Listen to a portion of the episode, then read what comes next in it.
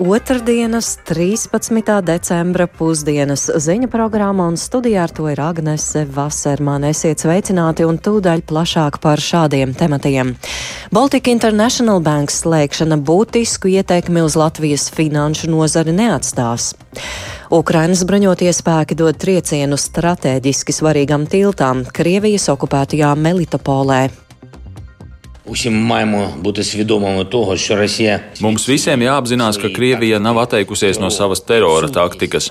Masveida raķešu triecienu neesamība šobrīd nozīmē tikai to, ka ienaidnieks tiem gatavojas un var veikt triecienu jebkurā brīdī.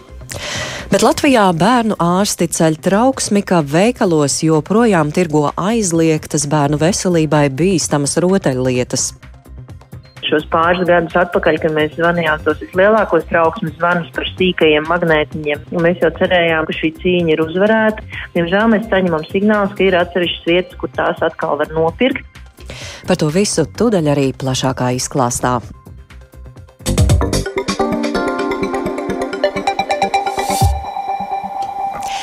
Finanšu un kapitāla tirgus komisijas lēmums apturēt finanšu pakalpojumu sniegšanu Baltic International Bank Latvijas finanšu sistēmu neietekmēs.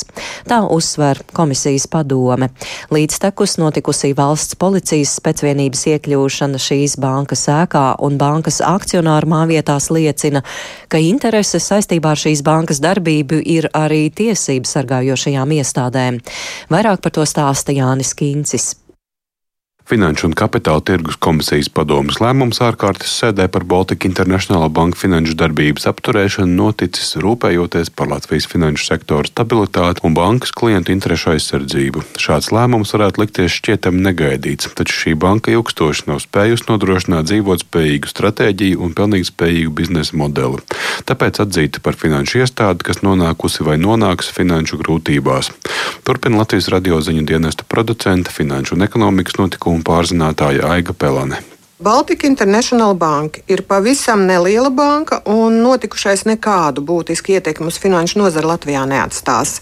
Gribu atgādināt, ka pirms vairākiem gadiem Latvijā tika veikts tā saucamais kapitālais remonts finanšu nozarē. Šī bija arī viena no tām bankām, kas aktīvi strādāja trešo valstu pilsoņiem, un finanšu kapitāla remonts skāra arī viņus.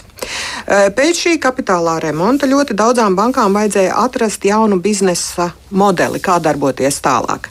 Kā saprotu, tas šai bankai šobrīd nav izdevies. Un otra lieta Tas, ka tur ielauzās arī vakar vakarā policija, liecina, ka tur var būt problēmas arī ar likumu.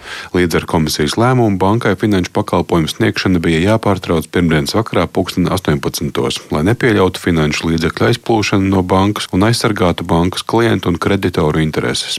Tajā pat vakarā bankas ēkā Grēcinieku ielā izsitot ārdurvju stiklu iekļuva valsts policijas speciālo uzdevumu vienība. Neoficiāla informācija liecina, ka kratīšanas notikušas arī bankas amatpersonu dzīves vietās. Valsts policija, neminot bankas nosaukumu, apliecināja, ka notiek izmeklēšana krimināla procesā par iespējamu noziedzīgi iegūt līdzekļu legalizēšanu lielā apjomā. Pašlaik neviena persona nesot aizturēta. Pēc Finanšu un Kapitāla tirgus komisijas rīcībā esošās informācijas decembra sākumā Baltika International Bank bija kopumā 1580 klientu. No viņiem 280 klientiem bankas konta atlikums ir nulle. Atbilstoši noguldījumu garantiju likumam valsts garantē atlīdzības izmaksas par visu veidu noguldījumiem līdz 100 tūkstošiem eiro. Pēc sākotnējām aplēsēm pilnībā savus noguldījumus garantētās atlīdzības veidā saņems 1012 bankas klientu. Tā bija devītā lielākā banka Latvijā. Jāatgādina, ka pēdējo desmit gadu laikā ar Finanšu un Kapitāla tirgus komisijas lēmumiem Latvijā apturēt arī ABLV un PNB banka darbība. Savukārt Eiropas centrālā banka pirms sešiem gadiem pēc Latvijas Finanšu un Kapitāla tirgus komisijas ierosinājuma anulēja arī Trasta Komercbankas licenci. Jānis Kincis, Latvijas Radio. Policijā ir jāturpina reformas, jāpārveido krīzes vadības sistēma, bet ugunsdzēsības un glābšanas dienestam vairāk jāsadarbojas ar pašvaldībām. Arī jāpiesaista vairāk brīvprātīgo, neaizmirstot par posteņu atjaunošanu. Šos, kā dažus no darbiem iekšlietu nozarē, saredz topošais iekšlietu ministrs no apvienotā sāraksta jaunajā valdībā Māris Kučīnskis. Fragments ar viņu no intervijas šī rīta programmā Labrīt! Protams, lielākais izaicinājums iekšlietu jomā būs krīzes vadības sistēmas pārveide. Mums civilā aizsardzība jāpadara saprotama jebkuram iedzīvotājam, lai viņš zinātu, kas ir jādara krīzes brīdī, kur jāiet, pie kā jāgriežas. Šobrīd, var teikt, teorētiski kaut kas ir praktiski nestrādā uz ugunsdzēsējiem. Protams, mums tas plāns ir, protams, kooperēties ar pašvaldībām. Ieslēgt vairāk brīvprātīgo kustību, runāt ar pašvaldībām, jo nu, tie posteņi ir lielākoties, es domāju, jāatjauno, un to var izdarīt tikai kopējiem spēkiem, jo tik daudz cilvēku droši vien vairāk nebūs. Kā, protams, arī atalgojuma joma, nu šeit uh, labā ziņa šajās procesos vismaz ir tā, ka kaut kāda stabilitāte būs. Jau pavasarī ir iezīmēts 10% pieaugums. Tāpat katru gadu, nākamos trīs gadus, kas gan vēl budžetā būs droši vien jāizstāv. Deklarācijā ir ierakstīts, ka līdzīgi kā aizsardzībai, arī tā ir viena no retajām jomām, kur tik, tiek iezīmēta procenti no mūsu izaugsmas koprodukta. Divi ar pusi, nu jāatzīst, gan kopā ar tiesām, kopā ar prokuratūru, kopā ar cietuma apsargiem. Kaut kādu optimismu nākotnē, protams, tas dod, bet uh, darbi ir nežēlīgi daudz, ja grib uh, patiešām panākt, lai mūsu iekšējā drošība būtu līmenī. Jo mm. nevar tā būt, ka mēs sargājam savus robežas, ka mēs armija mums ir spēcīga, bet iekšienē kaut kas nefunkcionē. Kas attiecas uz infrastruktūru, jā, tā ir ļoti jāpilnveido. Es pats esmu bijis Rīgas, vasarā Rīgas vienā no iecirkņiem. Nu, tas 90. gada krimināla filmas vairāk atgādina. Tur tikai vēl rakstām mašīnas vienā otrā vietā pietrūkst. Plus, protams, IT nozara. IT situācija iekšlietu ministrijā nav no spožajām. Es esmu aprakstījis tādu apmēram jau garu plānu, bet uh, es esmu pārliecināts, ka daudz var arī izdarīt. Tā topošais Latvijas iekšlietu ministrs jaunajā valdībā Māris Kučinskis no apvienotā sāraksta, kā ziņots par jaunās Latvijas valdības apstiprināšanu, saima plāno balsot jau rīt.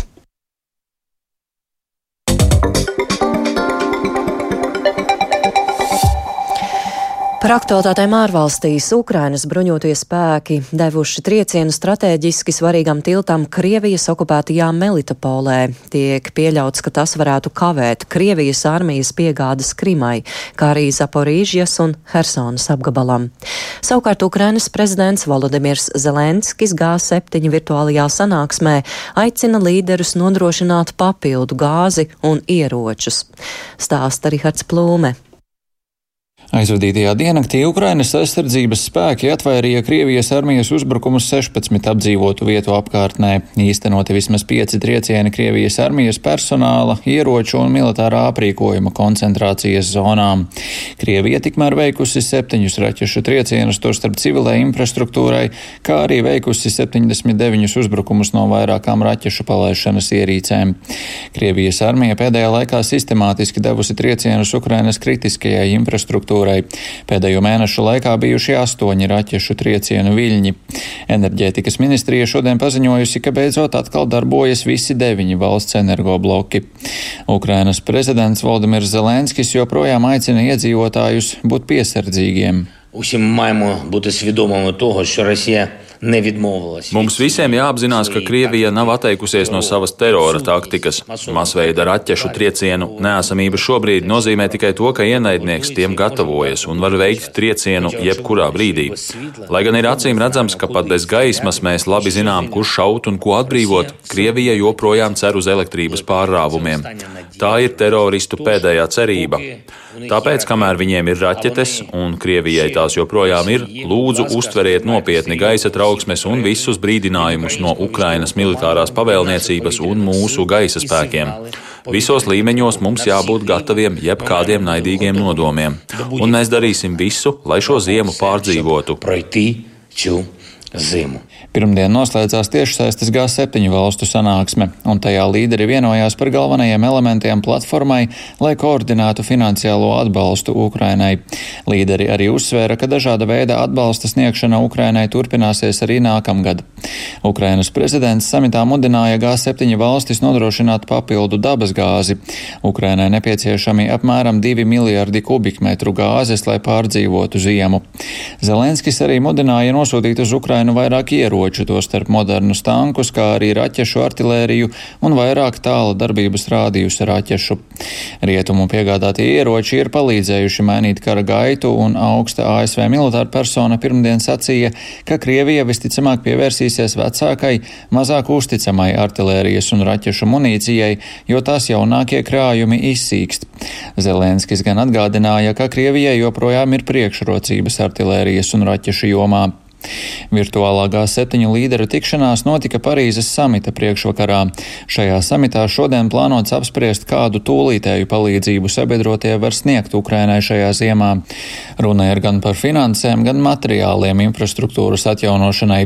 Samitā pulcēsies politiķi, uzņēmumi un palīdzības aģentūras.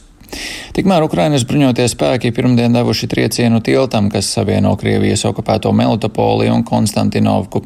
Kadros no notikuma vietas redzams, ka daļa tilta konstrukcijas ir nogrimusi, bojāti tilta balsti. Satiksme uz tilta ir apturēta. Pa šo tiltu Krievijas armija transportēja aprīkojumu, munīciju, personālu, betona blokus, pretanku barjeras un būvmateriālus no Donetskas virziena. Tiek pieļauts, ka šis trieciens ietekmēs Krievijas armijas apgādi gan Krimai, gan Zaporīžas un Hersonas apgabalam.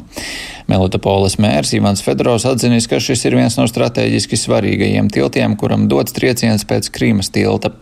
Uzreiz pēc trieciena apkārtnē tika traucēta interneta un sakaru darbība. Rihards Plūme, Latvijas radio.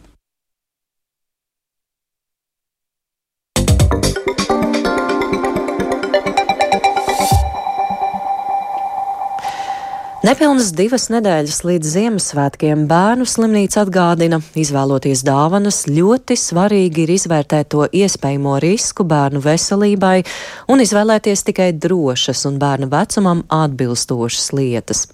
Vislielākās problēmas sagādā baterijas un magnēti. Tos norijot, bērni var iedzīvoties ārkārtīgi nopietnās veselības problēmās. Sīkus, spēcīgus magnētus saturošas rotaļlietas ir aizliegts pārdot, taču bērnu slimnīca saņēmusi signālus un informējusi patērētāju tiesību sārgus par atsevišķiem gadījumiem, kad šis aizliegums tomēr pārkāpts. Turpina Kristaps Feldmanis. Ziemassvētki ir kopā būšanas laiks, taču daudzās ģimenēs liela loma ir arī dāvana pasniegšanai, īpaši jau bērniem. Tādēļ tieši šobrīd bērnu slimnīca atgādina, ka rotaļlietas var būt arī bīstamas. Piemēram, sīkus, spēcīgus magnētus saturošos konstruktorus aizliedza pārdot jau kādu laiku atpakaļ tieši tādēļ, ka to norīšana var radīt ļoti nopietnus zarnu trakta bojājumus, taču nu bērnu klīniskā universitātes slimnīca saņēmusi signālus, ka šāda veida mantas atkal manāmas atsevišķu veikalu plauktos, turpina bērnu slimnīcas virsā ārste Renāta Snipe. Šos pāris gadus atpakaļ, kad mēs zvanījām tos vislielākos trauksmes zvanus par sīkajiem magnētiņiem, tiešām bija vairāki bērni, kur šos magnētiņus bija norījuši, un dažiem bērniem šīs sekas bija ļoti smagas. Nācās veikt plašu apjomu operācijas ar daļu zarnu izņemšanas, kas ietekmē bērnu dzīves un arī ģimenes dzīves kvalitāti uz visu atlikušo dzīvi. Mēs tiešām ļoti sadarbojāmies gan ar patērētāju tiesību aizsardzības centru, arī tirgotāji bija ļoti atsaucīgi, un mēs jau cerējām, ka šī cīņa ir uzvarēta uzvarētu. Diemžēl mēs saņemam signālus, ka ir atsevišķas vietas, kur tās atkal var nopirkt. Tāpēc Snipe aicina vecākus šāda veida rotaļlietas maziem bērniem neiegādāties un ejot ciemos, novērtēt, vai tādas bērnam nav pieejamas. Bērnu slimnīca par trīs veikalu ķēdēm, kurās nopērkams potenciāli bīstams rotaļlietas, informējusi arī patērētāju tiesību aizsardzības centru. Centra preču un pakalpojumu uzraudzības departamenta direktore Linda Rinkula skaidro, šogad pēc pašu iniciatīvas centrs izņēmis un uz pārbaudēm Francijā nosūtījis deviņus rotaļlietas rotaļlietu ar magnētiem paraugus. Visi gan izrādījušies prasībām atbilstoši, taču kolēģi citās valstīs uz pārbaudēm nosūtījuši tā sauktos neokubus, jeb mazu magnētisku lodīšu konstruktorus. Tie gan pārkāpuši Eiropā noteiktās prasības, taču vismaz oficiāli Latvijā tos pārdot ir aizliegts. Turpina Rinkule. Latvijā šādas preces faktiski mēs neredzam. Protams, nevar izslēgt, ka varbūt pa laikam parādās e-komercijas vidē pa kādam piedāvājumam, un tos mēs arī monitorējam. Tur tas lielākais darbs tika paveikts jau pagājušā un aizpagājušā gadā, kad mums jau bija signāli no bērnu klīniskās universitātes slimnīcas. Piemēram, pagājušajā gadā no 17 e-komercijas uzņēmumiem šādas preces tika izņemtas. Taču bērnu klīniskās universitātes slimnīcas virsārste Renāte Snipe atgādina, pieaugušajiem ir jābūt atbildīgiem un jāspēj arī pašiem izvērtēt, vai iecerētā rotaļlieta ir atbilstoša saņēmēja vecumam. Snipe gan neslēpj prieku, ka ar norītu magnētu izraisītām traumām šajā gadā slimnīcā vēl neviens nav nonācis, taču ir virkne citu neaizliegtu rotaļlietu, kuras var traumēt mazos bērnus. Ziemassvētku dāvanu kontekstā punkts viens, ja mēs dāvinam bērnam mantiņu, kur darbojās uz baterijām, tad ļoti skatāmies, lai tas rezervuārs, kurā baterija tiek ievietot, būtu aizskrūvēts ar skrūvi. Bērni ar norītām baterijām, diemžēl, tā ir mūsu ikdiena, mēnesī vairāk tāda ir. Un tas ir ārkārtīgi bīstams, tad uh, var attīstīties ārkārtīgi smagi barības vai bojājumi. Ja jūs bērniem Ziemassvētkos dāvinat, ko mēs arī aicinam dāvināt aktīvā sporta inventāru, kopā ar sporta inventāru jādāvina aizsargi ķivers. Patērētāju tiesība aizsardzības centra preču un pakalpojumu uzraudzības departamenta direktore Linda Rinkula iedzīvotājus aicina ziņot centram par aizdomām, ja veikalos vai internetā iespējams iegādāties ar maziem magnētiem aprīkotas vai citādi potenciāli bīstams rotaļlietas. Kristaps Feldmanis, Latvijas radio.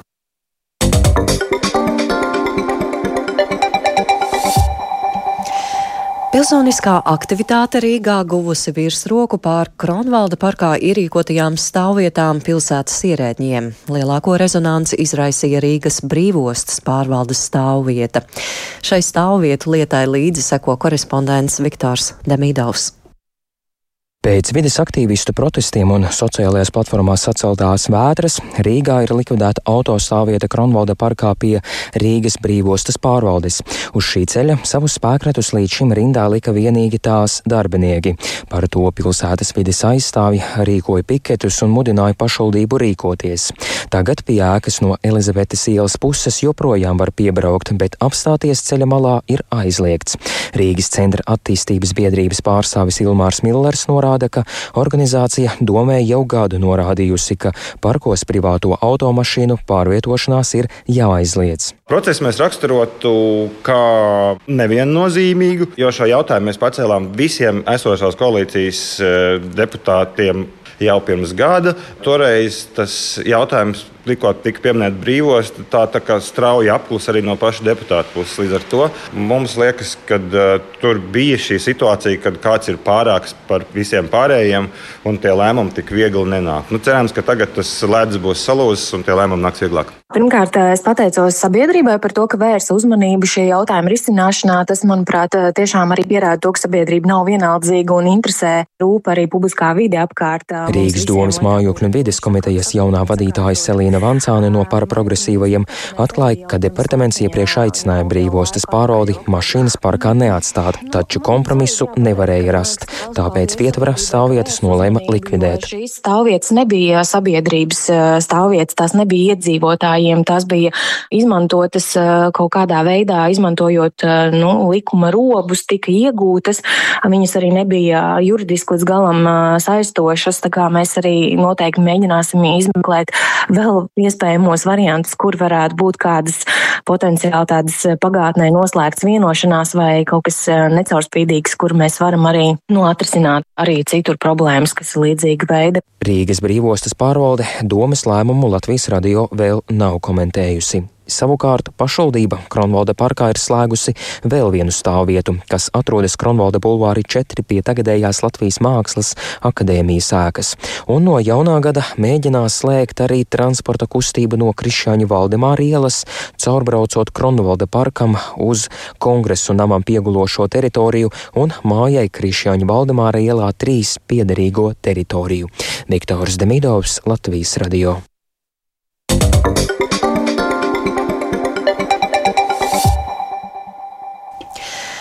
Augstajā laikā Liepājā nakts patversmē nonākuši cilvēki, kuri nav varējuši samaksāt par saviem mājokļiem. Tā ir nepatīkama tendence, tā Latvijas radio skaidro patversmē. Pašlaik Liepājā patversmē atrodas apmēram 80 bezpajumtnieku, taču uzņemt varot līdz 120. Tāpēc šobrīd nepieciešamās vietas iespējams pilsētā nodrošināt. Daļa no bezpajumtniekiem uz patversmi gan nedodas, jo nevēlas ievērot tur esošos noteikumus. Viens cilvēks Liepājā alkohola reibumā guvis arī apsaldējumus. Kāda situācija šobrīd Liepājā interesējās Inga Ozola. Sākoties ziemai, Liepājas nakts patversmē palielinās apmeklētāju skaits. Aktivitāte sākusies novembrī, un arī šobrīd jūtams cilvēku pieplūdums. Taču šogad ir kāda jauna nepatīkama tendence, stāsta Liepājas nakts patversmes vadītāja Oksana Martīnova. Katreiz tā diezgan raiti nāk, un šogad uh, ir izmaiņas tajā, kādi tie klienti nāk, ir tādi, kas nav tipiskie nakts patversmes klienti, vairāk ir tādi, kas nevar samaksāt par savu dzīvesvietu kas ir īrējuši kaut kādus lētos mājokļus, un šobrīd ir tā, kā ir ar visām cenām un visu pārējo, un vēl jāiegādājās kaut kas ir ar ko kurināt, nu, nevar izvilkt vairs to laktiņu, un tad viņi ir spiest nākt uz nakts patversmi. Vidē dienā patversmē no jauna ierodas viens vai divi cilvēki. Kopumā Liepājas nakts patversme var uzņemt 120 cilvēkus. Augstajā laikā tur atrodas aptuveni 80, siltākā laikā ap 50 simts ir tas vidējais, bet uz doto brīdi ir 80 cilvēku, un, un nav vēl tā, ka mēs esam pārpildīti, vietas vēl ir un, un būs noteikti, un arī, ja, ja būs saspiestāk, vienalga mēs vietu atradīsim, jo tāpēc, kad atstāt tā augstā laikā ārā, kad ir saules un šādi, tā kā šodien laika apstākļi un soli visu nedēļu, mēs loģiski, ka nevaram nevienu. Daļa no bezpajumtniekiem uz patvērsmi nevēlas doties, kaut arī laukā ir ļoti augsts, stāsta Liepājas pašvaldības policijas sabiedrisko attiecību speciāliste Elva Lubāne. Mūsu darbinieki te jau vienmēr apaicājas, piedāvā doties uz šo patvērsmi, bet um, šie cilvēki nevēlas tur doties, vai arī viņi dodas nelabprāt. Un šie iemesli, kāpēc viņi nevēlas doties paši, tā ir tāpēc, ka patvērsmē ir uh, kaut kāda veida savi iekšēji noteikumi Un šiem cilvēkiem šie noteikumi nav ierasta lieta, līdz ar to viņi vai nu nespēja vai nevēlas tiem nemaz pakļauties, tāpēc viņi labāk izvēlas palikt uz ielas nekā doties siltumā. Policijas pārstāvi uzsver, ka sabiedrība ir kļuvusi aktīva un cilvēki ziņo par guļošajiem uz ielas, gan par bezpajumtniekiem, gan cilvēkiem reibumā. Ziema augstais laiks ir nu, salīdzinoši nesen sācies. Ja varētu teikt, ka tas Tas tagad ir lieta, kam vērš uzmanību. Neatkarīgi no laika apstākļiem vai gada laika, mums ir ļoti daudz izsaukumu par šiem cilvēkiem bez noteiktas dzīves vietas, un uh, viņi ir tiešām daudz, un mēs, mūsu darbinieki reaģē. Un, patiesībā, sakot, ir jāsaka arī paldies sabiedrībai, jo viņi ir tie, kas mums ziņo par šiem cilvēkiem, kas ir kaut kur uz ielas uh, guļ. Bieži cilvēki ir tieši alkohola reibumā un tāpēc nonākuši bezpalīdzīgā stāvoklī, skaidro Elva Lubāne. Uz ielas ir kaut kur augstumā, vienkārši aizmiguši. Uz soliņiem, parkos, pilsētvidē, dažādās vietās, kur cilvēki, kas to ievēro, viņi zvana, ziņo mums, lai mēs tad, nu, braucam paskatīties, vai šim cilvēkam viss ir kārtībā. No atskutuvē viņi nonāk stipri, stipri biežāk nekā nakts patversmē, jo atskutuvē nogādā tos, kur ir alkohola reibumā. Nakts patversmē cilvēks, kas ir alkohola reibumā, viņus tur nepieņem. Tieši esot alkohola reibumā, kāds vīrietis nogādāts Liepājas reģionālajā slimnīcā, kuram konstatēta ķermeņa atzišana, viņam radušies kāju apsaldējumi dodoties mājup. Mediķi atgādina, ka alkohola reibumā ir lielāks risks gūt apsaldējumus. Augstajā laikā aicina pieskatīt arī gados vecākus cilvēkus. Neatliekamās palīdzības centrā Liepājā sākusies arī tā saucamo slideno ielu sezona. Vidē diennaktī traumpunktā vēršas 40 līdz 50 pacientu. Puse, aptuveni 25, nokrituši slideno ielu dēļ. Ir konstatēti plaukstu potīšu lūzumi, traumas guvuši arī bērni. Ingozola Latvijas radio kursmē.